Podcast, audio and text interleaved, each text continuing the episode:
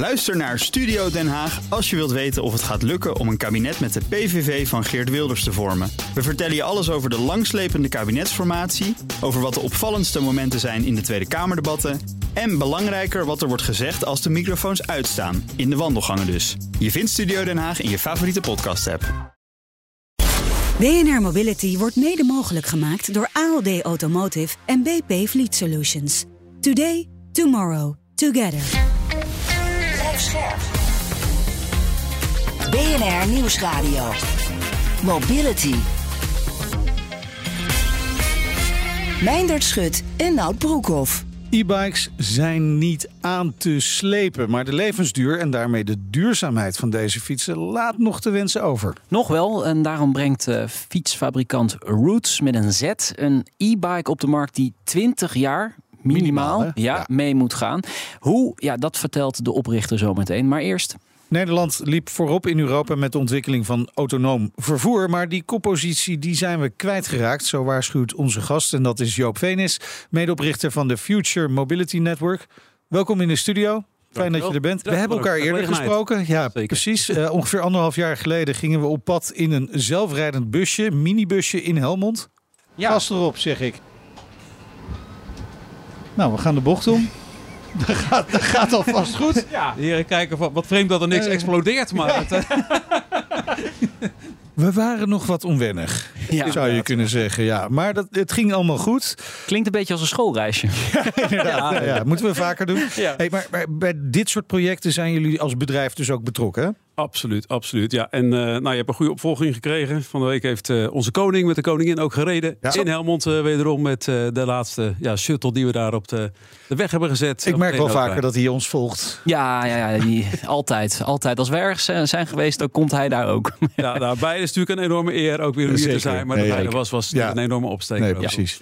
Maar toch, hè, je, je, je trekt aan de bel. Vandaag Zeker, ook ja. hier, want ons land raakt achterop als het gaat om de ontwikkeling van autonoom rijden. Wat, wat is er aan de hand volgens jou? Ja, nou even, dat, dat komt niet zomaar uit de lucht vallen. We zijn eh, met ons eh, team eigenlijk eh, tien landen inmiddels af geweest. We hebben honderd experts geïnterviewd uit andere landen.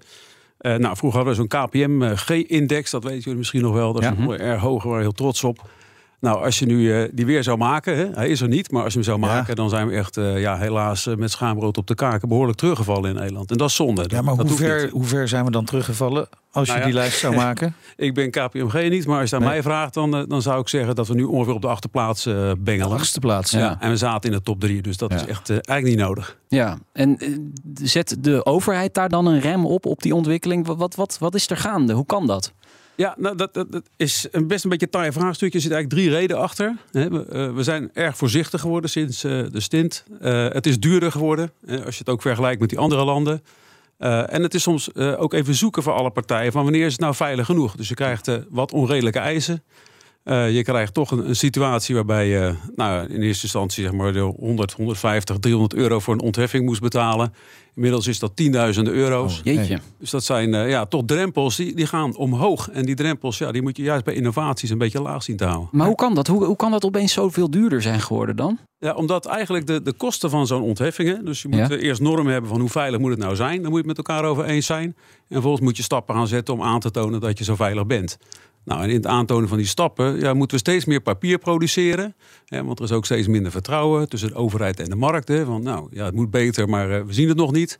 Nou, dan moet er steeds meer op papier en daardoor wordt het ook allemaal erg eh, duur. Nou, Bureaucratie.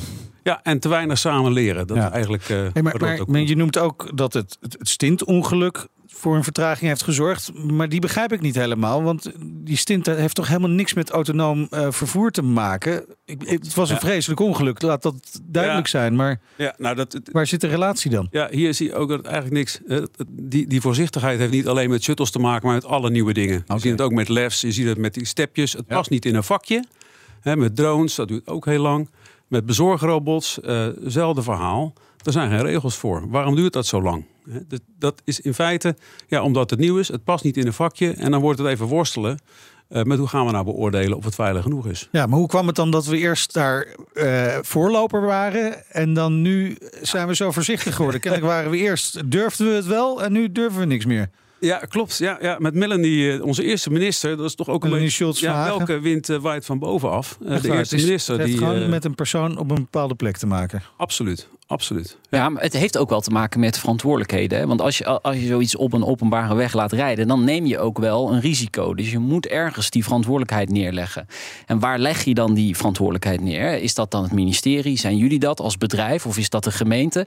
Dat zijn natuurlijk wel vraagstukken waar je op moet letten, toch? Zeker, ja. Ja. En dat, dat is ook mijn pleidooi. Van je moet dat juist samen doen. Een bedrijf kijkt anders dan een overheid. Een wegbeheerder kijkt weer anders dan een psycholoog. Een techneut heeft zo zijn eigen brilletje op. Dus juist die samenwerking tussen die disciplines, die is zo belangrijk. Ook een verkeersmanager, verkeerslichtinstallaties, als je op de last mile gaat rijden. Er zijn eigenlijk meerdere disciplines bij nodig om dat goed te bepalen.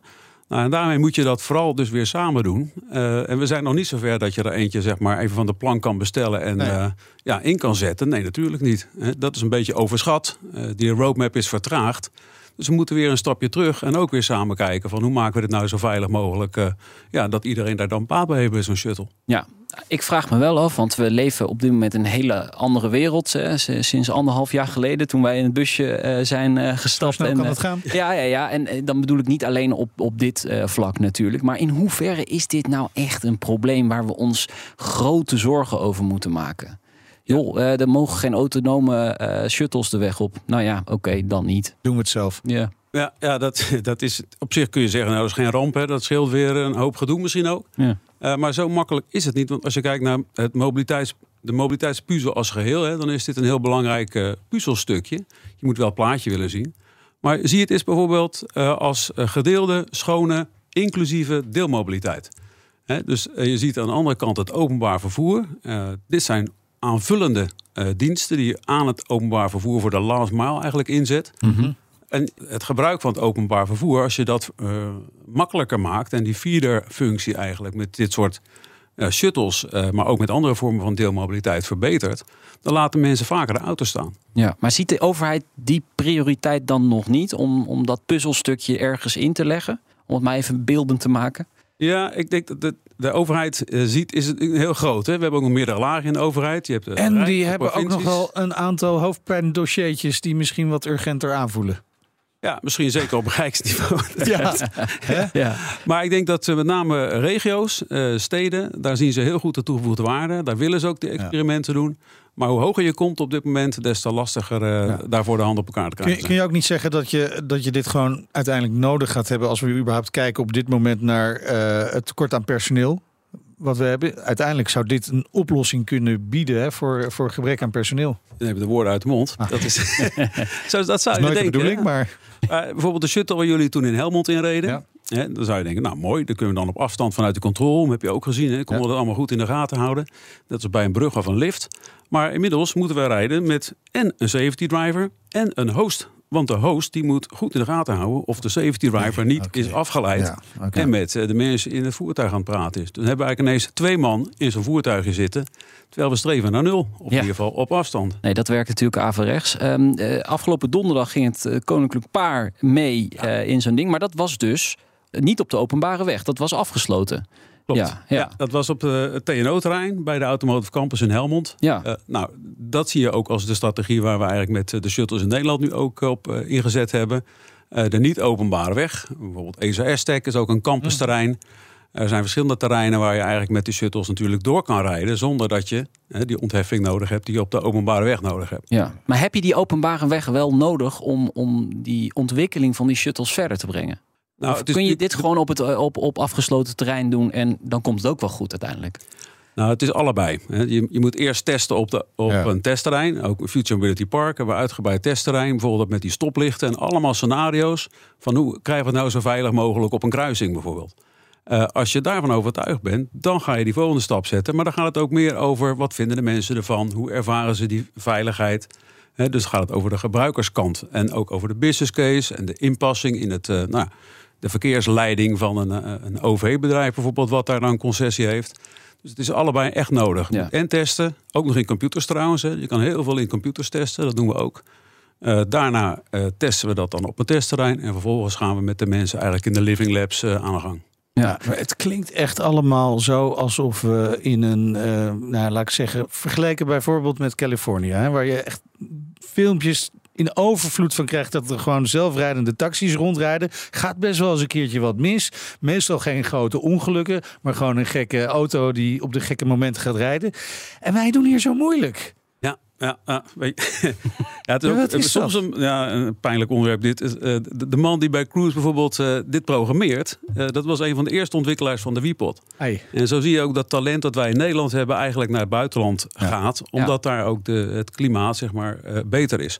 En ja, eh, we hebben ook in het onderzoek nu voor de Wereldbank eh, mensen nu ook eh, die met Cruise aan het rijden zijn.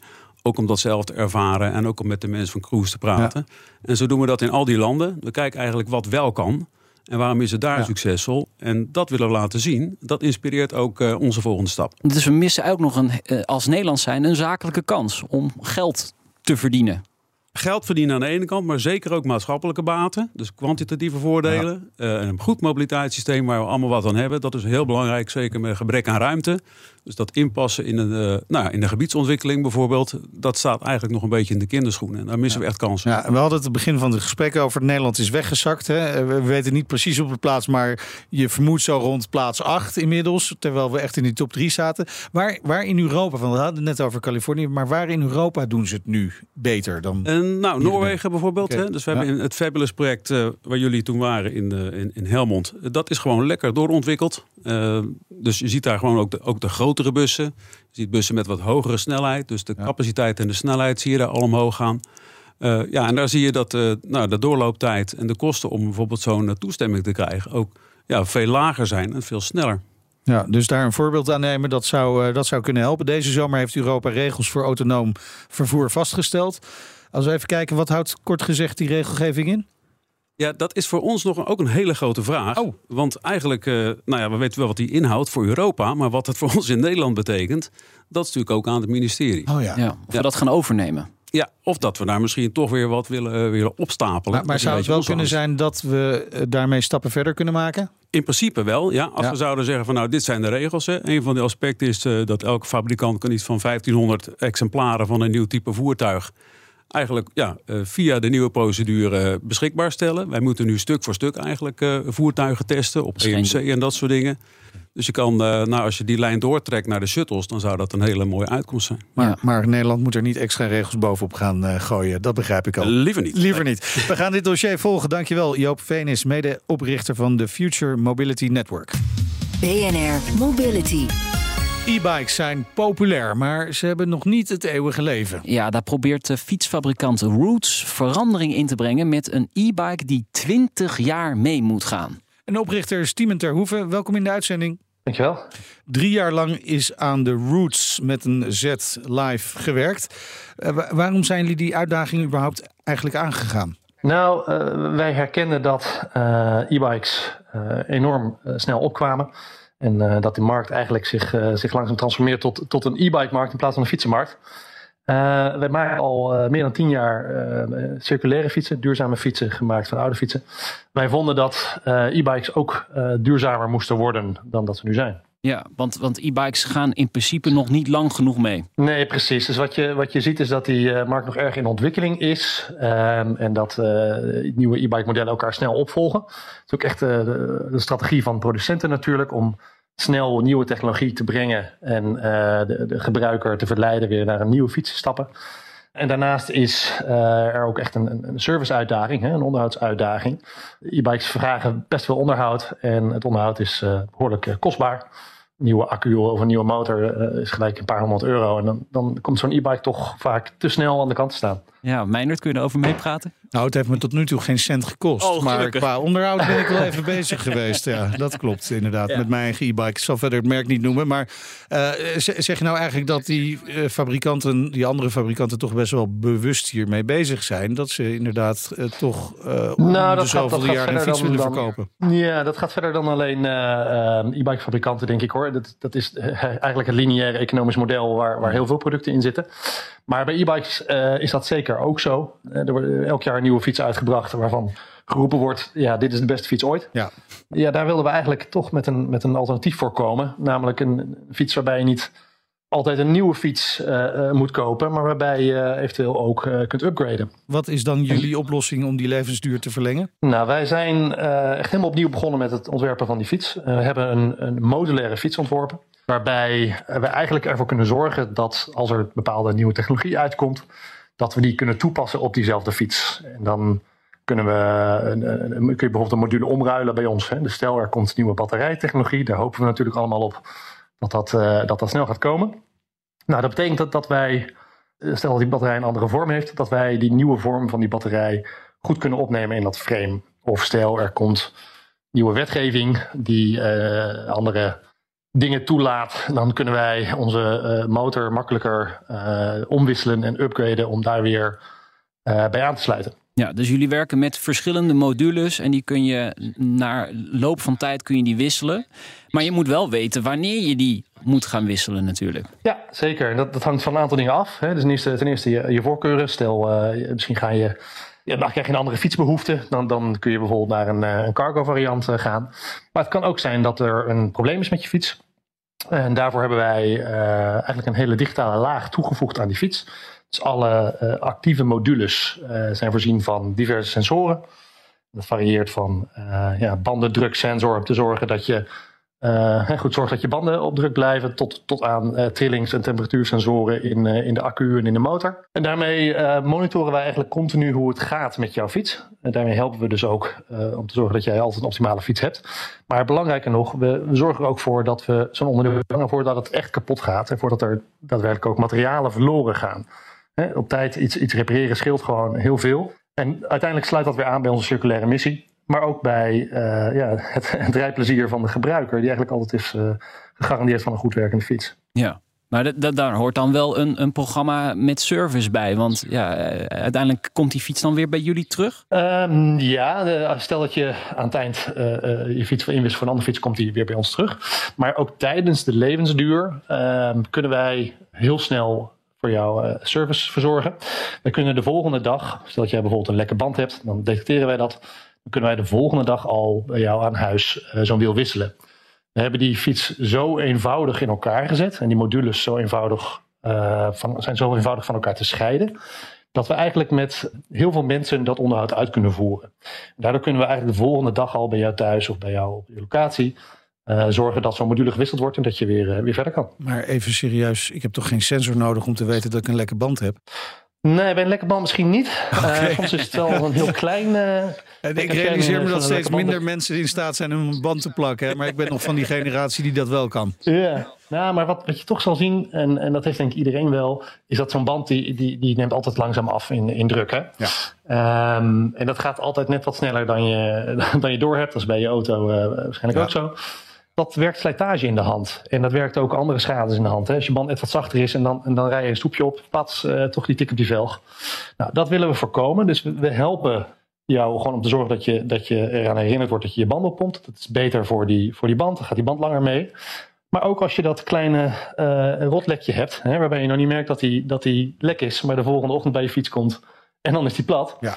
Ja, dan ben jij s'avonds op de bank al gewaarschuwd door ons dat je een lekke band hebt. Ja, Zorg even dat je ander vervoer neemt morgen. Wij zorgen aan het eind van de dag dat je fiets weer eh, voor je klaar staat. Ja, nou, het lijkt me vooral voor de vitale onderdelen van de fiets, dus de motor en de accu, nog belangrijker. Dat je op tijd weet of die uh, aan het eind van zijn levensloop is.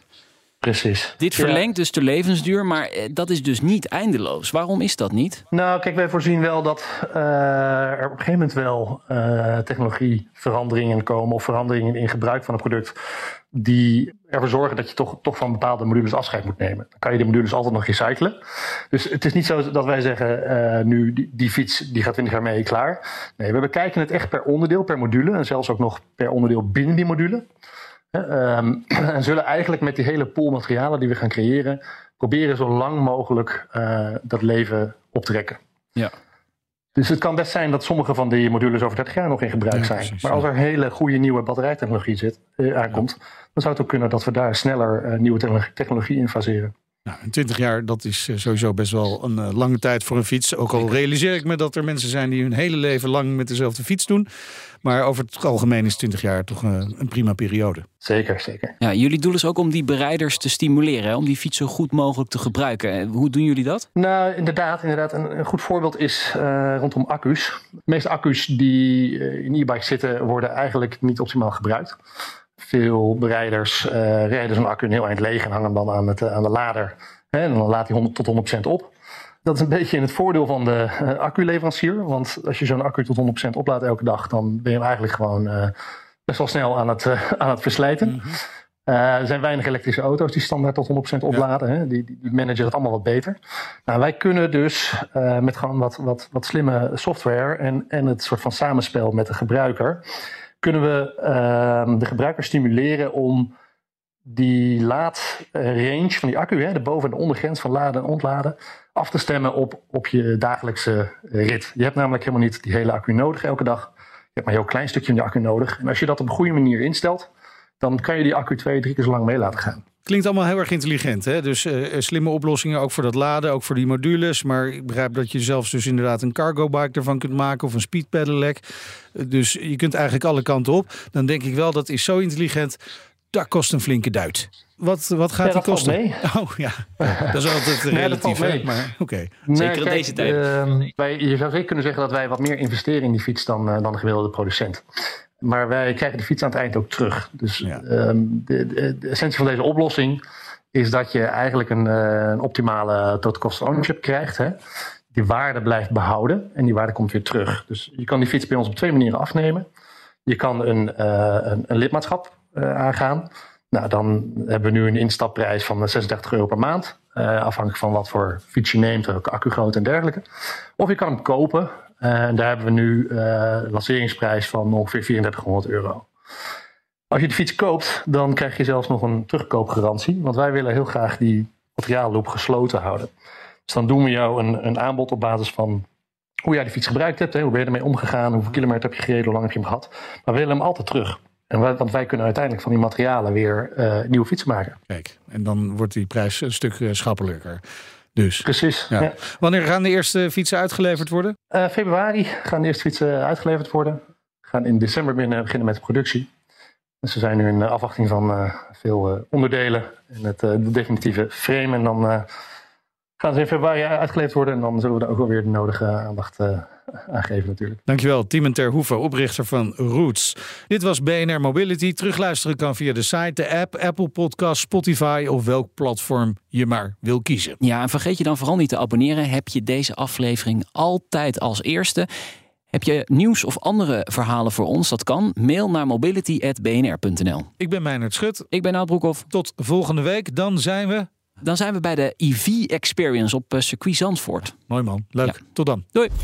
BNR Mobility wordt mede mogelijk gemaakt door BP Fleet Solutions en ALD Automotive. ALD Automotive. Ready to move you. Ook Harm Edens vind je in de BNR-app. Je kunt BNR Duurzaam niet alleen live luisteren in de app, maar ook terugluisteren als podcast, zoals al onze podcasts. En naast dat de BNR-app Breaking News meldt, houden we je ook op de hoogte van het laatste zakelijke nieuws. Download nu de gratis BNR-app en blijf scherp.